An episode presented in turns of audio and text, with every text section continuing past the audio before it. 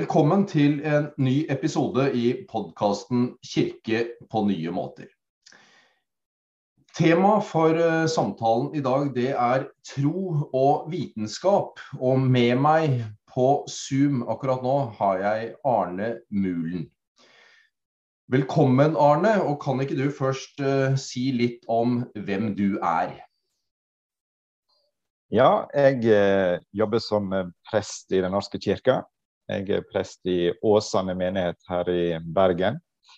Um, ble prest fordi jeg opplevde at jeg hadde et kall til å bli misjonær uh, i mine unge år. Så jeg har eh, utdanna meg til prest på Misjonshøgskolen i Stavanger og har jobba i åtte år som prest i Frankrike, i Paris, i Den lutherske kirka i Paris. Så kom jeg tilbake til Norge i 2004 og har uh, holdt meg her i bergensområdet etter det. Jeg er gift og har tre barn. Og nå er det travle tider, skjønner jeg. Det har vært en travel høst med mye konfirmasjon, og nå nærmer det seg jul også, når vi har denne praten. Det stemmer. Eh, jeg har en sånn opplevelse av at denne høsten har vært en god del travlere enn hva slike høster ofte er. og Jeg tror det har sammenheng med at det er ting som ble utsatt fra våren, eh, som en da skulle ta igjen på høsten i forbindelse med at samfunnet åpna opp igjen, det har gjort at det, det ble eh, veldig mye som skulle skje eh, denne høsten. Så det har vært travelt både med konfirmasjoner og dåp og slike ting. Men det er jo veldig kjekt og meningsfullt. Det høres bra ut. Som sagt så er temaet for samtalen tro og vitenskap. Og eh, det vet jeg at du lenge har vært interessert i, det temaet. Du ble tidlig opptatt av eh, realfag og vitenskap, men også av tro og kirkeliv. Og så eh, valgte du troen på et tidspunkt, men interessen for, for realfag og vitenskap den har, har alltid vært der. Opplevde du at du gjorde et valg mellom disse to en gang, eller er det noe du har kombinert hele tida?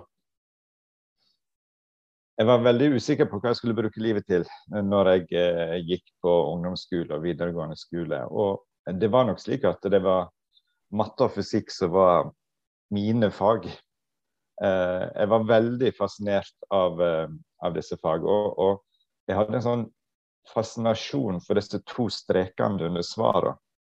Det var så deilig å kunne liksom gjøre lekser, løse oppgaver, finne ut av ting og sette to streker under svaret og si at her har vi det.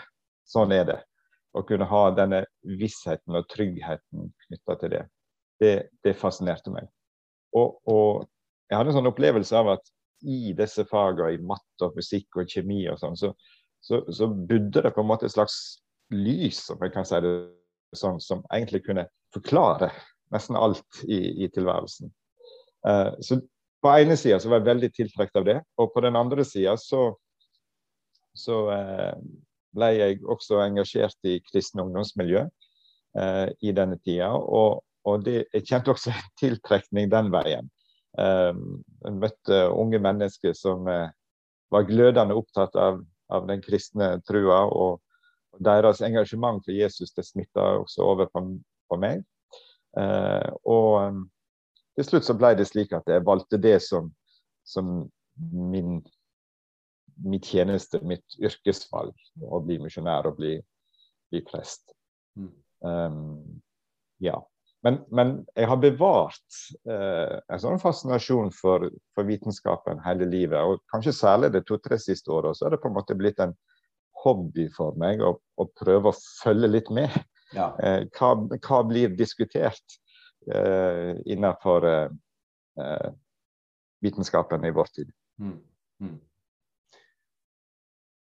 Grunnen til at jeg ble oppmerksom på deg, det var fordi biskop Halvor Nordhaug delte en artikkel du skrev i Bergens Tidende i, tidligere i år Eh, og der eh, var du inne på noe som eh, jeg syns var veldig interessant. Du skrev at konflikten mellom kirken og Galileo Galilei tidlig på 1600-tallet eh, bygger opp under tanken om at tro og vitenskap ligger i strid med hverandre. Og den historien, den forståelsen, den har sikker plass i norske lærebøker.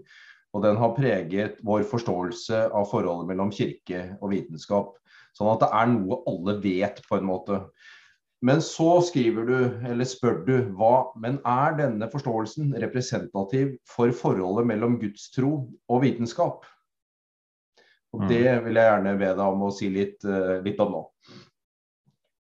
Ja, altså Historien om kirka og Galileo Galilei må gjerne være med i, i lærebøkene. For det er en påminning om at eh, kirka og, og religioner ikke skal være herre over vitenskapen. Altså Vitenskapen må få lov å følge sitt, sitt løp, og, og, og, og kirka kanskje være noe overdommer i forhold til hva vitenskapen eh, kan finne ut eller kan, kan vite. Så, så, så den historien bærer med seg en lærdom som vi skal ta med oss. Men, men det følger nisse med på det lasset som jeg tror vi må ta et oppgjør med. Og det er den tanken om at, at tru og religion, og kanskje til og med kirka, var et hinder for vitenskap og vitenskapelig arbeid. Og det tror jeg vi etter hvert får en større og større forståelse for at slik var det faktisk ikke. Um, hvis vi tar utgangspunkt i det som vi kan kalle den vitenskapelige eh, revolusjonen, eller den moderne vitenskapen som starta på 1400-1500-tallet. Det blir sagt, det blir vist til ulike århundrer, men, men hvis vi begynner med Copernicus og, og Galileo Galilei og, og disse folka der, så, så, er vi da som pluss-minus 1500. Mm. Og alle disse trodde på Gud. De tok det for gitt at, at uh, universet var, uh, var, skapt av Gud, og at det var en, en guddom som sto bak eh, alt dette som de prøvde å, å, å, finne ut av og finne svar på. Mm. Så for dem var det å bedrive vitenskap, eller naturfilosofi, som de kalte det den gangen, for dem var det nesten en måte å kikke Gud i kortet på. Eh, hva, er det Gud har laga, hva er det Gud har gjort? Hvordan kan dette henge sammen? Og Det er også en annen eh, tanke der som er, er veldig viktig. En, en hadde jo lenge hatt en opplevelse av at det finnes en, en orden i, i skaperverket. Um, altså månen følger sine regelmessige eh, sykluser. Eh, slipper vi et eple eh, på bakken i dag, så oppfører det seg på samme måte som i morgen og som i går og som for 1000 år siden. Altså, det ser ut til å være en orden og en regelmessighet som, som gjør det mulig å, å, utforske hvordan ting henger sammen i naturen. Og denne tanken, at mennesket også er skapt i Guds bilde, gjorde at de hadde en tanke om at vi kan være i stand Eh, til å utforske dette som Gud har lagt ned av orden og system i naturen. Mm. Mm. Og så ut, men, eh, og, eh, og Dette er jo et viktig utgangspunkt med disse første eh, som du snakker om nå. Eh, så utvikla det seg da etter hvert, eh, og da er vi på 1700-1800-tallet, det materialistiske verdensbildet. Eh, eh, og på en måte så, så forbinder man jo det med en bevegelse bort fra tro og Gud og sånn, men også denne historien er mer mangfoldig enn det man ofte kan få inntrykk av, ikke sant? Ja. Um, en fikk jo etter hvert en mer sånn en litt sånn tydeligere presisering av den vitenskapelige metode, der en um, ønsket å eliminere um, hva skal jeg si, eh, tanken om Gud i det vitenskapelige arbeidet.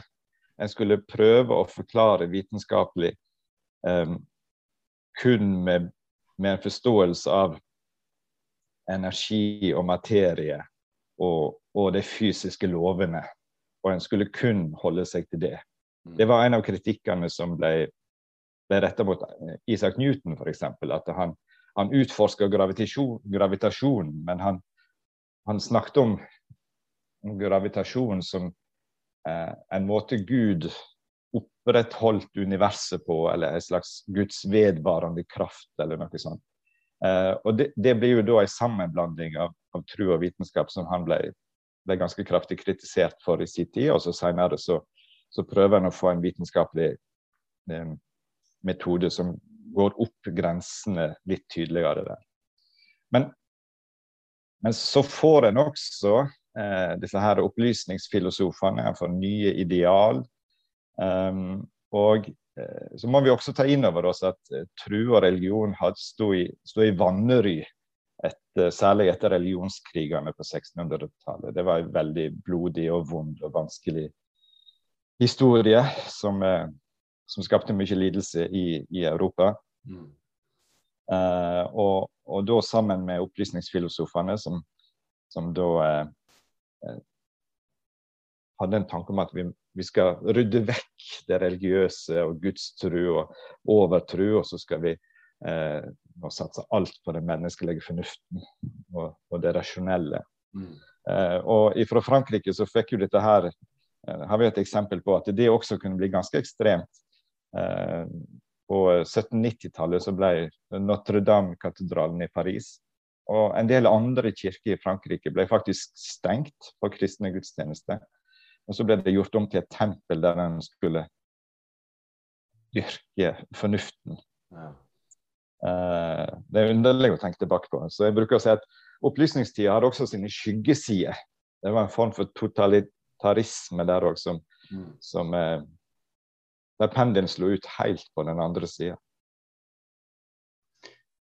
Men, men det, det, går vel an å si at, uh, at det fortsatt er i hvert fall ikke uvanlig å tenke at jo mer vitenskapen finner ut, jo mindre rom blir det for å tro på Gud. Eh, det er jo en type eh, spørsmål, eh, innvending, tanke som man av og til møter. Men det, der har du, gir du en del andre eksempler på, på vitenskap som trekker i andre retninger. Ja. Um, jeg, jeg, har jo nylig lest en bok av en som Eh, en bok av en som heter Stephen Meyer. og han, Boka han har skrevet, heter 'Return of the God Hypothesis'. Um, og En av de tingene som fascinerer meg i den boka, det er at han langs med veien gir ganske mange døm, dømme på vitenskapsfolk som har endra sitt syn på Gud og i spørsmålet om det fins en Gud, ikke pga. personlige religiøse åpenbaringer, men, men, nettopp som en konsekvens av sitt vitenskapelige arbeid. Mm. Um, jeg, jeg, bruker å si at den, den perfekte tida å være ateist må ha vært rundt år 1900. Uh, fordi da hadde vi Marx, som på en måte tok mål av seg til å vise veien mot et et nytt utopia. Eh, et fantastisk godt klasseløst samfunn der alt skulle Han kunne på en måte vise vei til det nye himmelriket, om jeg skal si det sånn. Og, og, Darwin var ute og kunne forklare hvor vi kom ifra. Og etter hvert så kom eh, Freud og, og ga oss en forståelse av hva vi kunne gjøre med menneskets følelse av skyld og sånne ting. Alle disse store spørsmålene som den kristne tror egentlig har håndtert i, i alle disse hundre åra. Så fikk vi ikke-religiøse eh, tankebygninger som, som, kunne ta kirka sin plass. Og I tillegg så, så gjorde vitenskapen store framskritt. Den fikk bedre forståelse av, av, eh, av det meste. og en, altså, Verdensutstillingene i, på rundt år 1900 i London og Paris var preget av en kolossal optimisme.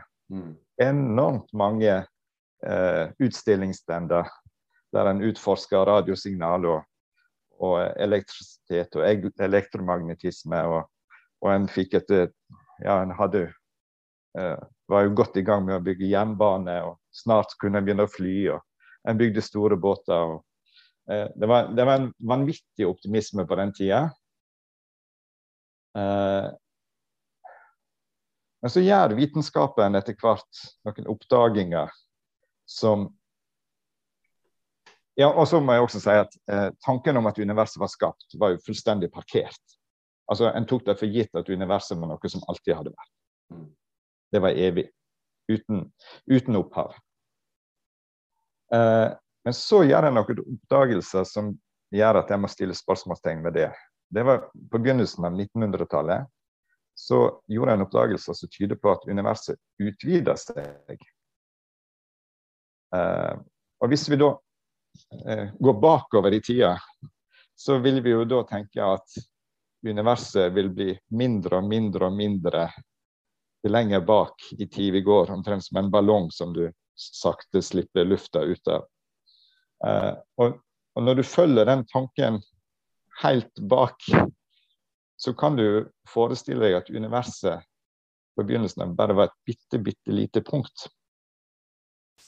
Eh, og den første som vi vet om, iallfall, som lanserte en sånn hypotese, det var en belgisk eh, prest som het Lemaitre som lanserte den tanken om at eh, universet ble til ut ifra en første gigantisk eksplosjon ut ifra et bitte lite punkt.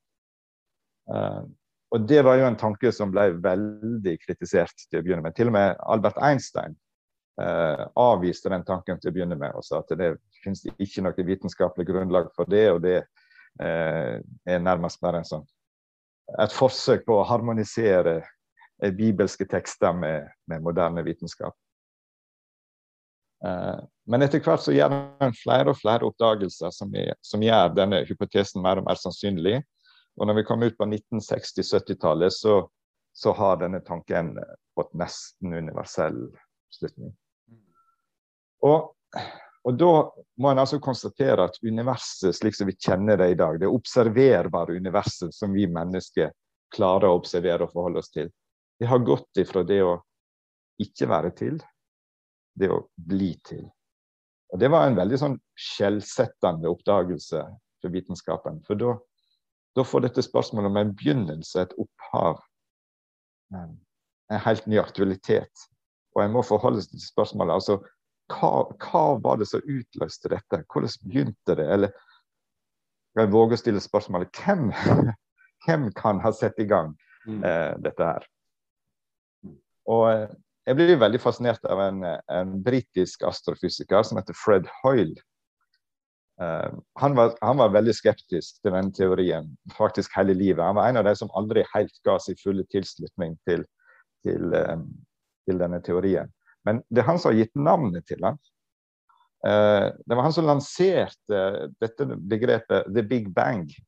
Og, og, og, det brukte han første gangen for å latterliggjøre teorien om at universet kan ha blitt til ved et eller annet slags eh, sånn, sånn big bang.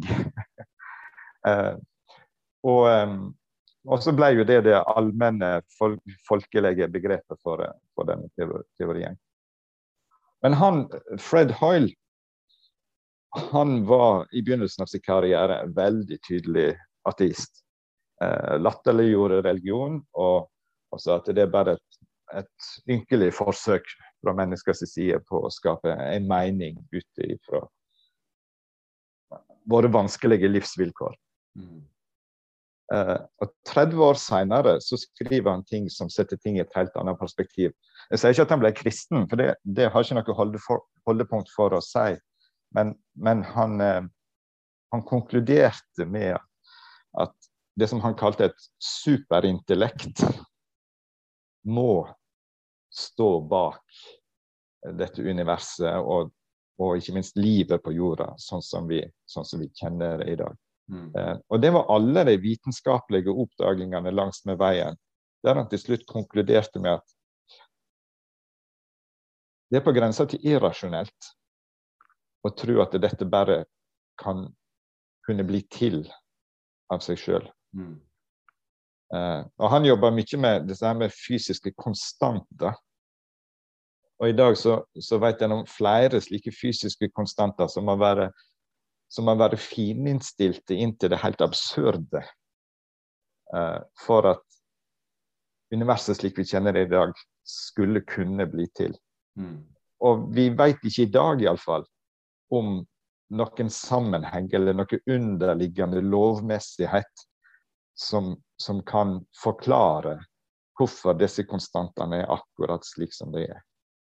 Eh, og I tillegg så kommer liksom alle de tingene vi vi ikke forstår i forhold til, til liv og biologi og, og eh, DNA-molekyl og slike ting.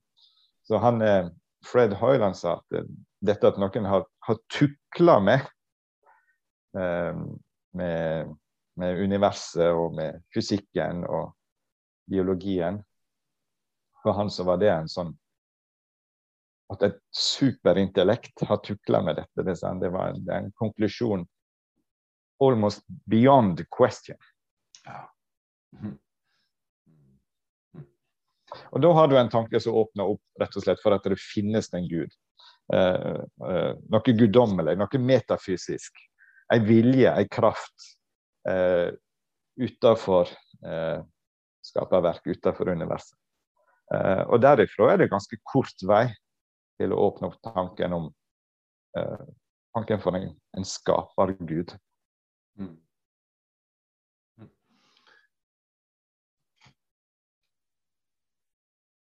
kristne velger jo å møte dette på ulike måter. Noen går eh, helt i motsatt retning og eh, henfaller til noen sånne enkle forklaringer eh, som på en måte Altså, verden er 6000 år gammel ikke sant, og ble skapt på seks dager. og eh, Vi kjenner jo dette fra USA med sånn type kreasjonisme osv. Eh, du åpner opp, eh, kjenner jeg, et, eh, et eh, stort rom som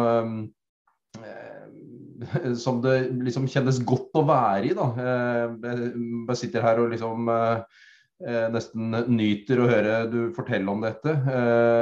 Da er vi kanskje tilbake til noe av det du, du også skrev i den artikkelen i, i Bergens Tidende. Et sitat av Louis Pasteur om at Litt vitenskap fjerner fra Gud, men mye vitenskap tar deg tilbake til Gud. Det var noe ja. sånt du sa? Eh, jeg må jo få lov å si det på fransk. Un peu de science éloigne de Dieu, mais beaucoup i ramène. Um, og det, det, er det som er betydninga, og, og, det var nok kanskje hans vei òg. At det, det, i, i, et førstemøte med vitenskapen, der en blir liksom blenda av alt en forstår og sammenhengene en oppdager, og all kunnskapen som er der, så, så, oppleves tanken om en gud som noe primitivt og tilbakelagt. Mm. Uh, men når du da virkelig kommer ned på dypet i, i alt, alle disse sammenhengene som vitenskapen faktisk har klart å avdekke og forstå og forklare, så, så kommer mysteriet imot oss på nytt. Mm. Mm. Altså, hvordan kunne dette skje? Hvordan kunne dette bli til? Hvordan kunne dette være så fininnstilt? Um, og det, det, er mange så Jeg har også sett veldig tydelig ateistiske vitenskapsmenn sette ord på at um, de, de, nesten blir stående i en slags undring. Altså finnes det en underliggende mening i alt dette her? Altså, til og med dit våger de å sette ord på på uh, undringa si. Selv om det er veldig konsekvent avvisende til tanken om at det finnes en gud. Uh, denne franske eh, vitenskapsmannen Louis Pasteur han tror jeg naila det ganske bra med den setninga si at det, litt vitenskap, så kan du liksom tenke at Gud er det passé. Men eh, masse vitenskap, så blir du gjerne tatt med tilbake til mm. trua på en gud. Og, og, vi har også norske stemmer som jeg opplever rister litt i, i disse her typiske stereotypiene i forhold til, til tro og vitenskap. Jeg ble veldig fascinert av et intervju jeg las med en uh, norsk professor i fysikk, Åsmund Sudbø.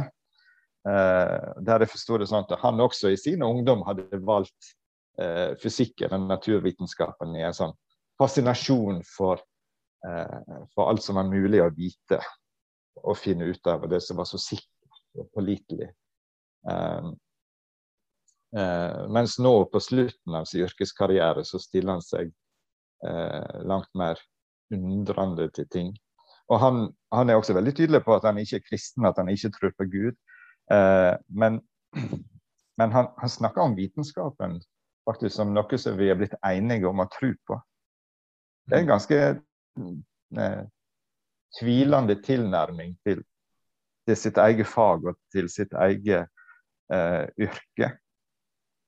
Uh, og han argumenterer for at eh, tro og vitenskap må, må leve sammen. Altså at naturvitenskapen har ingen eksistens som vi ikke også må tilkjenne Gud. Mm. det er ganske, ganske perspektivrik konklusjon. Um, fra en som har brukt hele livet sitt på naturvitenskap. Mm. Ja, og dette med at vitenskap ikke er en objektiv størrelse, men noe som vi har blitt enige om å tro på, omtrent sånn som mange er enige om å tro på Gud. Altså En professor i fysikk sier noe sånt, da, da er man i ferd med å åpne noen nye rom, tenker jeg da. Absolutt. absolutt. Og um, i, i, fjor vår så døde en, en stor vitenskapsmann som, som har jobba ved um, Princeton University i USA. uh, Freeman Dyson. Han var, tror han ble 96 år gammel og var aktiv likte det siste. Og han begynte ved dette universitetet mens Albert Einstein faktisk fortsatt var aktiv der. Uh, og han, han, han, sa at han, han, var litt varsom med å bruke dette begrepet love. Ja, altså uh, fysiske lover. Han syntes det var bedre å snakke om modeller. Mm. Uh, og, og, denne nyansen mellom en sånn absolutt lov uh, og en modell syns jeg er ganske interessant. For en modell det er liksom noe som beskriver uh, fysikken og verden rundt oss så langt vi er i stand til å forstå det. Mm. Men, men, det er akkurat som en, sånn, en liten åpning for at kanskje er det fortsatt ting som vi ikke forstår. Mens en lov har dette ved seg at det er helt sikkert, det absolutt. Det, er to streker under svaret. Eh, og det der eh, fascinerer meg også at eh, eldre vitenskapsfolk opplever jeg ofte stå, framstår som ganske audmjuke mm. i, i, forhold til faget sitt. Du nevnte også dette med, med sånn ungjordkreasjonisme, altså at uh, mm. kristne som insisterer på at jorda er 6000 år gammel og sånn det, det har jeg overhodet ingen sans for. Uh, jeg, jeg, mener det er misbruk av, av Bibelen mm. uh, og de bibelske tekstene. Og uh, er det noe vi skal lære av den konflikten mellom kirka og Galileo i 1630-tallet, så er det Vi skal ikke bruke vi skal ikke bruke Bibelen til å fornekte vitenskap. Jeg håper jo at vitenskapen i, i århundret som kommer, kan oppleve at hvert fall kristen teologi, kristne teologer, vi skal være med på å heie vitenskapen frem. Mm. Mm. Mm. Eh, for der er jo fortsatt enorme ubesvarte spørsmål. Eh, og eh, si sånn, Vitenskapen, fra et teologisk utgangspunkt, da, så, så, er jeg veldig trygg på at vitenskapen kan aldri finne en sannhet som Gud ikke har skapt. Mm. Eh, jeg syns det er veldig spennende dette her, at den tanken om at vitenskapen egentlig får lov å kikke Gud i kortet. Eh, og med en trygg ståsted i teologien så, så kan, vi, kan, vi, være med på å heie vitenskapen fram videre.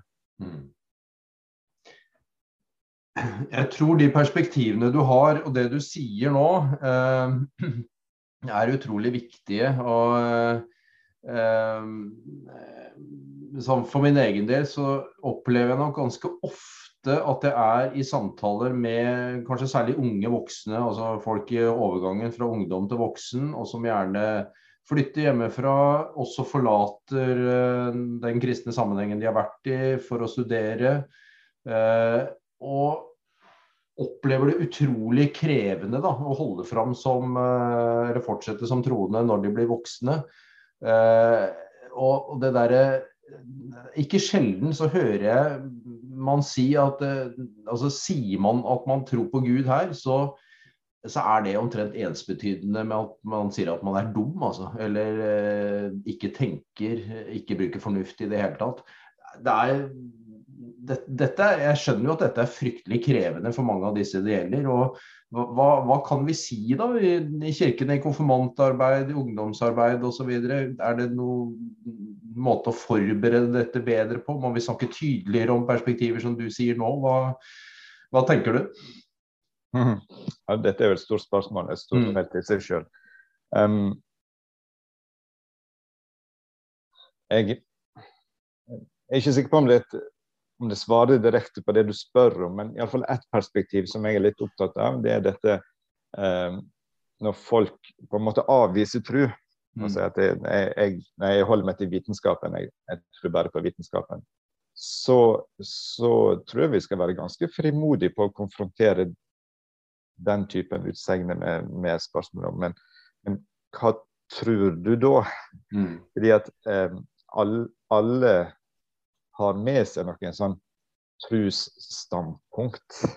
Eh, det er lov å si at jeg, jeg holder meg kun til det materialistiske verdensbildet. Jeg tror at alt som finnes, er bare materie og de fysiske lovene og energien og kreftene som, som påvirker oss. Og utover det så, så finnes det ingenting. Men de overser jo en masse spørsmål hvis en konkluderer med det. Mm. Um, um, altså um, Denne opplevelsen av at vi er til, dette at vi vet om oss sjøl, hva er det for noe? En, en, streng materialist vil på en måte hevde at eh, vår opplevelse av å vite om oss sjøl, er på en måte bare en illusjon. Det er en frukt, en frukt av disse her uh, millionvis av elektriske signaler som foregår inni hjernen vår. Eh, men, men, det er egentlig ikke noe som eksisterer i seg sjøl. Mm. Det tenker jeg er en ganske sterk eh, truspåstand. Uh, vi kan ikke vi, vi, mennesker vi kan anklage hverandre hvis, hvis han har gjort noe galt. sant?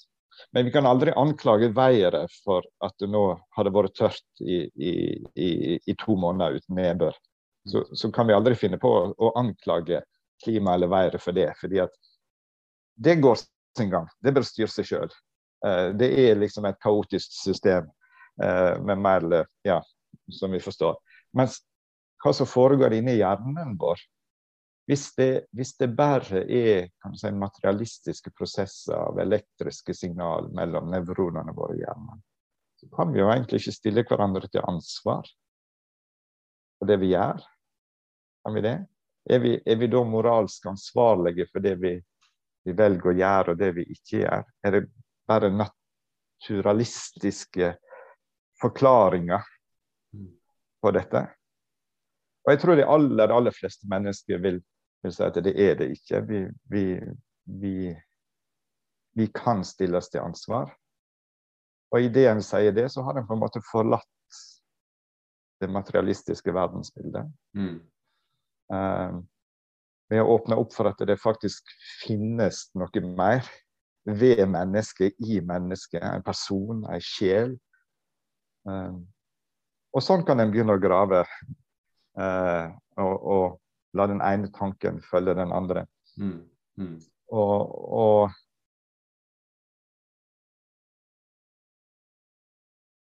Ja. Jeg vet, nå vet jeg ikke om tankene ble så klare. Vi, vi, vi kom litt ut på videre. Her tror jeg du må klippe. Um, men, men, men tanken min med dette er at uansett hvordan vi stiller oss til tanken om det fins en gud eller ikke, så, så, har vi et trossystem med oss, et tankesystem. Eh, en måte å forstå verden på, og en måte å forstå mennesket på, som, som, som preger oss. Mm. Og som, som det, det, vil alltid være en trusdimensjon i de valgene der. Mm. Det, vi finner ikke dette svaret med to streker under i forhold til hvem vi er, i forhold til hva vi er. Og i forhold til spørsmålet er det, er det mening med at vi er til, eller er vi bare uendelig Er vi en frukt av en uendelig lang rekke med, med tilfeldigheter? Mm. Store spørsmål. Men du, åp du åpner noen rom eh, som jeg tenker er veldig, veldig bra å åpne. Og, og, det du sier, tenker jeg også er et, eh, et godt budskap til eh, det som på en måte var utgangspunktet for det spørsmålet, nemlig de eh, ja, som møtes med fordommer om at er du kristen, så er du per definisjon litt, litt dum, på en måte. Du nevnte innledningsvis, Arne, at denne interessen for vitenskap har du hatt med deg lenge. Men nå de to-tre siste åra, det var vel det du sa, så har du på en måte tatt det litt mer opp igjen eh, og bestemt deg for å følge med litt mer. Det er jo litt spennende å spørre deg da, helt avslutningsvis. Hva, har det gjort noe med troen din? Har det prega forkynnelsen din? Ja. Det har ført meg inn i en helt ny tilværelse av Gud som skaper. Um, til, til mer jeg eh, eh, skimter da av det som vitenskapen holder på med, til større blir Gud for meg. Og, og jeg må skynde meg å si at jeg, jeg, har ikke noe tanke om at jeg har noe veldig god forståelse av det som vitenskapen nå eh, baller med og strever med. Jeg føler meg som en sånn tiåring som står på en krakk og, og, prøver å se på hva de voksne holder på med der inne i laboratoriet. Så, så det er veldig sånn uh, stykkevis og, og, enkelt, det som, det som jeg håper jeg får litt oversikt over. Men, eh, men ja, det har ført meg inn i en ny og ganske sterk tilbedelse av Gud som skaper. Um, uh, både i det store uh, altså kosmologien, og i det bitte små i atom og kvarker og alt dette mm. uh, uforståelige små som, som, verden er bygd opp av. Og ikke minst livet. Så vi har jo en svært mangelfull forståelse av ikke minst hvordan liv blir til. Og til dels har vi jo også en mangelfull forståelse av hvordan livet har utvikla seg. Men, men, ikke minst dette med livets opphav, altså den første cella. Et kolossalt stort mysterium. Mm, mm. Og når jeg da ser hvordan livet har erobra denne planeten vår, eh, både hav og land og luft og, jord jord, finnes overalt, og, og finnes med ei voldsom kraft. Eh, og se hvordan alt blir grønt om våren. Det spirer overalt. Masse farger, masse lyder. Eh, fisk og fugl og alt som lever og rører seg i naturen. Mm. Eh, jeg kjenner på en enorm sånn fascinasjon for dette. og det har, ja, det har styrka trua mi. Og et annet perspektiv som, som har blitt viktig for meg, det er, jo, det er jo dette at det er jo egentlig et veldig nytt fenomen at vi er i stand til å se jorda vår utenfra. Det var noe som kom på slutten av 1900-tallet, at vi kunne ta bilde av jorda fra verdensrommet. Og Det setter jo eksistensen vår i et, et helt nytt perspektiv. Eh, vi forstår jo at Eh, denne jorda vår er jo bare et bitte, bitte lite støvkorn i den store sammenhengen. Så finnes det altså noe som heter liv her på denne her lille kula som vi bor på. Og Da blir det et veldig stort spørsmål. Er det noen som vet om oss? Eller er det ingen som vet om oss? Finnes det en mening med at vi er her? Eller er vi bare ei frukt av tilfeldighet? Og I møte med disse store spørsmålene så kjenner jeg at det å få lov å eie ei tro på at det er Gud som har skapt, en Gud som, som elsker alt han har skapt, det tilfører tilværelsen og eksistensen et, et, helt nydelige dimensjoner. Mm. Mm. Og det å få lov å å, å, i mitt liv, i min tro og min kunnskap, å få lov å knytte dette sammen og kjenne på at det gjør godt å prøve å holde det sammen, det syns jeg er djupt. Mm, mm. Tusen takk, Arne, for uh, veldig uh, flotte refleksjoner. Altså, som, uh, som, jeg har sagt før, jeg tenker at du er med på å åpne noen rom som det kjennes utrolig godt å, å være i. Og du er, representerer en viktig stemme, rett og slett, og viktige perspektiver å få fram. Så takk både for artiklene i Bergens Tidende og annen type engasjement, og takk for uh, muligheten til å ta en prat her nå. Veldig hyggelig å være med.